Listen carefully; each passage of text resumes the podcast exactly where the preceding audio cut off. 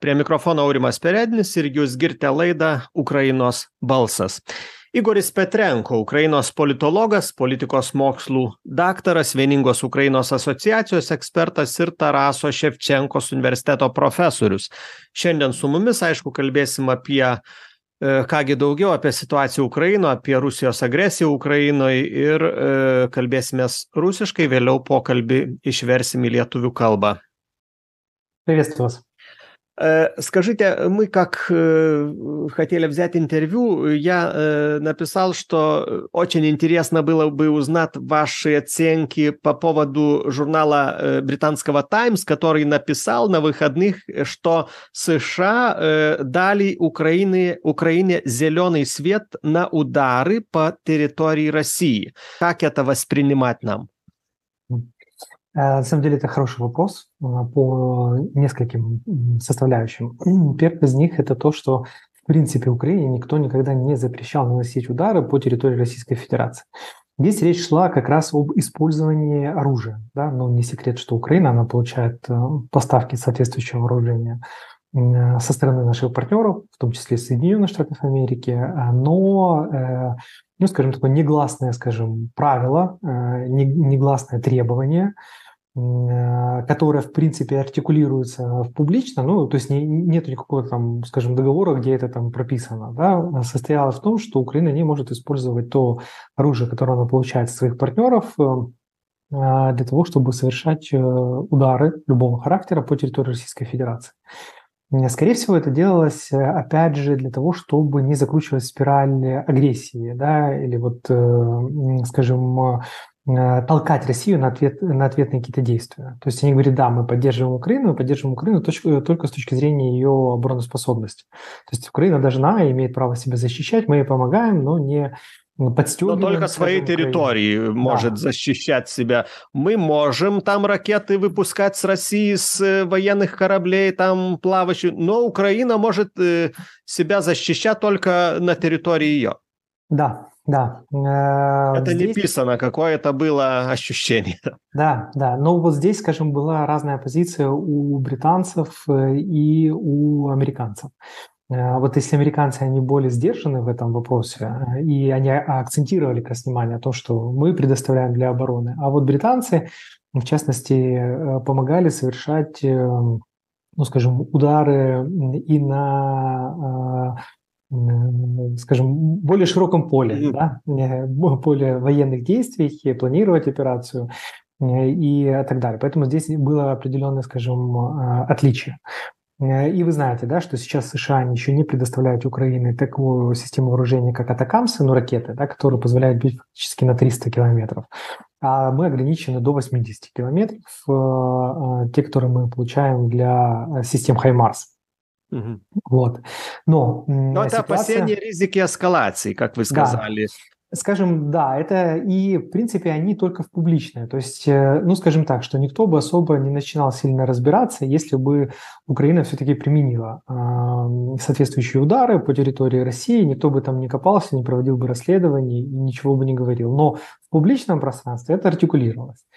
Э, исходя из, скажем, той статьи, которую мы вам обговариваем, там до конца точно непонятно, да, о чем идет речь. Либо это о том, что вот можно вооружение использовать, которое предоставляется, либо это в целом, скажем, просто сигнал публичный для России, что ну окей, скажем, вы не хотите идти реально на переговоры, да, вы дальше продолжаете шантажировать мир э, ядерной угрозой, да, уже Путин заявляет о том, что вот мы готовы рассмотреть доктрину превентивном ударе для разоружения, скажем, противника. А это э, не нравится Западу. А, более того, это не нравится и Китаю на самом деле. Но у России просто ничего другого не остается в, нынешнем, в нынешней ситуации. Э, и поэтому, э, ну, скажем, им тоже передают определенный сигнал. В том числе и вот этот вопрос, что вот, ну, скажем, грубо говоря, можно, это тоже сигнал как бы России, что вот смотрите, мы сейчас там Украину сдерживали, но Украина на самом деле, особенно с освобождением территории и приближением к границам Российской Федерации, то у нас открывается больше возможностей даже использовать те системы, которые есть, не атакамсы, да, даже там 80 километров мы можем. Плюс э, сейчас Украина тоже показала последние удары по аэродрому в Энгельсе, то, что э, ну, мы опять же, пока нет официальной информации, что это было, но, скорее всего, это были соответствующие дроны. Mm-hmm. Либо это усовершенствованные, скажем, системы беспилотные, которые есть в Украине еще там с разработок Советского Союза, да, либо это было уже, скажем, что-то другое и с помощью, скажем, наших партнеров сделано. А, это все тоже определенный сигнал России, что, ну окей, то есть э, должны быть конкретные шаги, конкретные действия, и не должно быть э, вот разно, разных угроз, либо мы все-таки сделаем это так, чтобы ну, вы потерпели полное фиаско а, военное, и тогда уже вам будет не до применения ядерного оружия. Ну, то есть это определенные, скажем, вот такие вот э, сигналы, которые должны, вот, э, условно говоря, э, расставить определенные красные такие вот линии, в том числе этих заявлений. Вы же помните, тоже поездки Бернса были, он ездил, они встречались, по-моему, в Турции, если не ошибаюсь, да, в Стамбуле там, и как раз обговаривали вопрос применения ядерного оружия. Были соответствующие сигналы из Китая, для которого это тоже, скажем, плохая история. Но у России кризис жанра, у Путина тоже. Они прекрасно понимают, что сейчас идет зима, украинская армия, она лучше оснащена, а, ну, тем более, знаете, как своя земля, она и придает силы и так далее. А, мы с помощью тоже наших западных партнеров и тех поставок окружения, которые были, нанесли существенные удары по логистике врага России. А, и у них большие с этим будут проблемы. То есть для них ситуация, она на самом деле ну, печальна. Угу. И поэтому это опять толкает Путина возвращаться к своим мантрам, в том числе и по поводу там, ядерного удара и всего остального. Плюс санкционное давление. Да, сейчас пока Евросоюз там девятый пакет еще не утвердил, да, вроде как там, может, завтра они что-то утвердят, но санкции, они имеют э, временный, временной лак, да, ну, э, не сразу они действуют. Вот сейчас в декабре начнет действовать только шестой пакет. Э, и это, опять же, ухудшает экономическую ситуацию, это ухудшает э, возможности для э, закупки вооружения, учитывая то, что у России, в принципе, осталось, наверное, только две страны, где они могут закупить оружие. Это Иран и Северная Корея. Северная Кореja, da. da. Igoris sako, kad iš principo Ukrainai niekas niekada nedraudė rengti smūgių Rusijos federacijos teritorijų. Iki šiol visą laiką kalbėta tik apie ginklus, kuriuos Ukraina gauna iš partnerių nerašytas reikalavimas nenaudoti šių ginklų atakoms rusijoje rengti. To reikalaujama kad neįsisuktų agresijos spiralė kad ukraina kautųsi tik savo teritorijoj bet šioj vietoj amerikiečių ir britų pozicijos išsiskiria. Jeigu amerikiečiai yra santūresni tai britai padeda ukrainiečiams veikti platesniam lauke. Prisideda planuojant operacijas anot ukrainos politologo reikalavimas nenaudoti vakarų ginklų rusijoje tik vieša deklaracija. Niekas nepradėtų rimtai aiškintis jeigu ukraina vis dėlto suduotų atitinkamų smūgių rusijos teritorijoj niekas tame nesikapstytų nevyktų tyrimų be to ukraina jau parodė ką gali. Pavyzdžiui paskutiniai sprogimai rusijos aerodrome engelse kol kas nėra oficialios informacijos kas ten nutiko bet igoris sako kad greičiausiai atakavo dronai galbūt dar iš sovietinių laikų ukrainoje esančios bepilotės sistemos o galbūt kažkas kito pagaminto ukrainos partnerių. Šiais smūgiais branduoliniu ginklu vėl grasinančiai rusijai siunčiami signalai neperžengti raudonosios linijos sako sako igoris.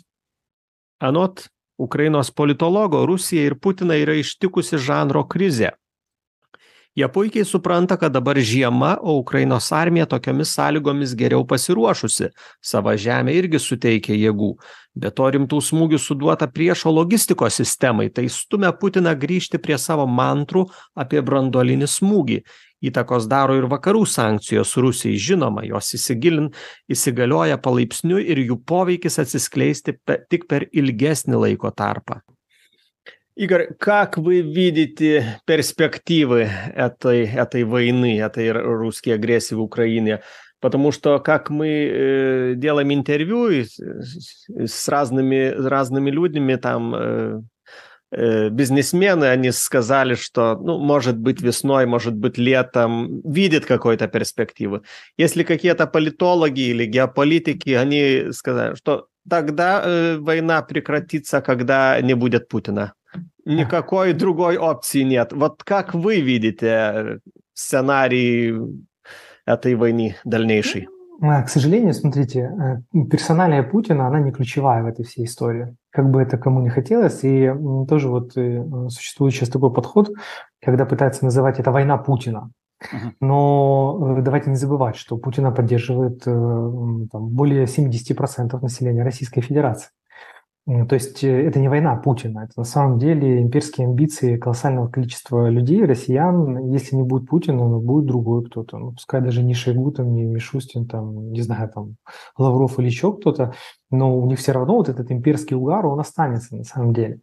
Вот, э, э сейчас наша главная задача, наша, я говорю, не только Украины, а в целом всех стран, которые поддерживают ее, состоит в том, чтобы нанести максимально существенное военное поражение Российской Федерации на территории Украины. То есть чем сильнее мы сейчас ударим, чем больше мы разобьем их сил, а мы уже, в принципе, хорошо их износили, да, потому что фактически в первый месяц войны мы уничтожили самые боеспособные части Российской Федерации. Э, сейчас они проводят мобилизацию, скрытую, открытую. Там тоже вы видели эти множество проблем с этим связаны, э, но, э, скажем, все меньше остается у них э, профессиональных, скажем, военных, которые действительно могут показывать какой-то результат, являются силой, да, с которой можно считаться. Они истребили население мужское ДНР, ЛНР, так называемое, там фактически вообще никого нету, там без рук, без ног или вообще просто мертвые люди. И дальше вот они используют по, скажем, национальным меньшинам идут, в Российской Федерации. Э, да, количество там убитых в Дагестане, например, самое большое. А, и количество, если смотреть в этническом соотношении, да, если грубо говоря, да, там мажоритарную часть составляют россияне, а почему-то умирают больше дагестанцев. Ну, есть вопросы, наверное. Вот, ну не суть в этом. Но есть, вы я... хотите сказать, Игорь, когда э, исчезнет, истерпает этот профессиональный корпус армии, тогда, тогда что-то меняться будет или как? Да, да, смотрите, вот э, еще э, они уже на сегодняшний день, вот когда совершают обстрелы Киева, Украины в целом, не только Киева, да, Украины, они уже используют э, ракеты, которые предназначены для ну, ядерного арсенала. То есть они скручивают вот эти вот боеголовки, значит, э, которые несут ядерный заряд, ставят там фугасные или какие-то, я не военный эксперт, но, скажем, их меняют и применяют. То есть это уже говорит о том, что у них и подизносились ракетные, скажем, такие запасы. Да, они не исчерпали их полностью, я далек от этого, но в то же время, если они берут, скажем, неприкосновенный запас ядерного арсенала используют, это уже о чем-то говорит. Поэтому и сейчас зима – это, скажем, как раз то время, когда мы можем, скажем, поднажать и, ну, скажем, во-первых, и освободить территорию Украины ближе к весне, действительно, а, ну, практически, скажем, все те, которые были захвачены, а, начиная с 24 февраля. Э, и это будет еще более существенный, скажем, в целом удар по России и ее мощности. И вот каждый, скажем, а, пораженный танк, уничтоженный, да, каждая там сотня убитых э, бойцов э, и уничтоженных там а, а, пушек там и всего остального, это отбрасывает э, возможность нового витка агрессии со стороны Российской Федерации на энное количество времени. Проблема в чем состоит? Проблема состоит в том, что пока нет консенсуса о том, как должна проиграть Россия. То есть то, что она не может выиграть, это всем уже понятно, и все с этим согласны, да, поскольку, опять же, это будет серьезная подщечина, скажем, всему Западу. А вот как она должна проиграть, ну, я к чему, как, как, э, в какие варианты? Это может быть, там, допустим, смещение Путина. Да, Путин уходит, там приходит кто-то другой из его же там орбиты, и вроде как там более сдержанный, скажем. Ну, скажем, вариант такой себе, ну, возможен, да. Либо это кардинальная смена политической системы, режима, да, когда там, условно, там, оппозиция, которая, скажем, наверное, не пользуется особой поддержкой среди россиян. Вот. Либо это Э, декомпозиция Российской Федерации на определенные составные части, там еще там 12-10 каких-то там республик и так далее. Ну, э, вот в тех все равно сценариях присутствует, присутствует определенный риск, как поведет себя ситуация, кто сможет взять под крыло, да, кто сможет прогарантировать, помочь, какие взаимоотношения будут между ними выстраиваться как будет сформирована внутренняя политика, да, может опять там будут какие-то партии э, имперского там характера, да, сражаться там между собой, ну и так далее. Ну, здесь есть, да, очень много действительно открытых, скажем, вопросов. Но я думаю, что бояться не нужно этого, а нужно а, просчитывать сценарии, просчитывать варианты с точки зрения как раз интересов цивилизованного мира и тех ценностей, которые мы сегодня защищаем. У а, Запада есть какое-то единое видение сейчас про эти... Про эти... Нет, к сожалению, нет. У британцев есть видение, что нужно идти до конца, фактически ориентироваться, опять же, на вот эту декомпозицию Российского Федера... Российской Федерации. А вот американцы так, не Восточная Европа тоже, Польша, абсолютно. Балтийские да, страны. Абсолютно. Да. И тоже вот если мы говорим сейчас, да, допустим, как у британцах и американцах, э, э, да, как э, таких, ну, скажем, первых лидеров, первого эшелона, да, но в Европе э, есть тоже свой раскол определенный. Абсолютно верно подметили, что восточноевропейские страны, они как раз за то, чтобы остановить Россию в Украине, чтобы она никуда дальше не пошла, прекрасно понимая всю ту угрозу, которую она несет. А вот западноевропейские страны, они больше думают про экономику, про бизнес as usual, а те проблемы, с которыми столкнулись, там, те траты, которые они, скажем, там несут и так далее. И они бы там, скажем, для них был бы хороший мир, практически любой, да, лишь бы это был бы мир. Но, к сожалению, это не, э, недалеко, далеко, э, далекоглядно, да, вот украинским, так сказать, э, не, скажем, не просчитано наперед. Краткосрочная выгода будет, да, окей, но э, это не решение, не решение проблемы. А главное решение проблемы – это формирование новой архитектуры безопасности. И здесь нужна политическая воля и достаточно серьезная. То есть это вопрос, начиная с того, чтобы забрать у России, скажем, право вето в Радбезе. Это вопрос формирования того же использования Kyiv Security Compact, который был предложен Украиной, да, вот который группа международных экспертов э, Расмуссена Ермака разрабатывала.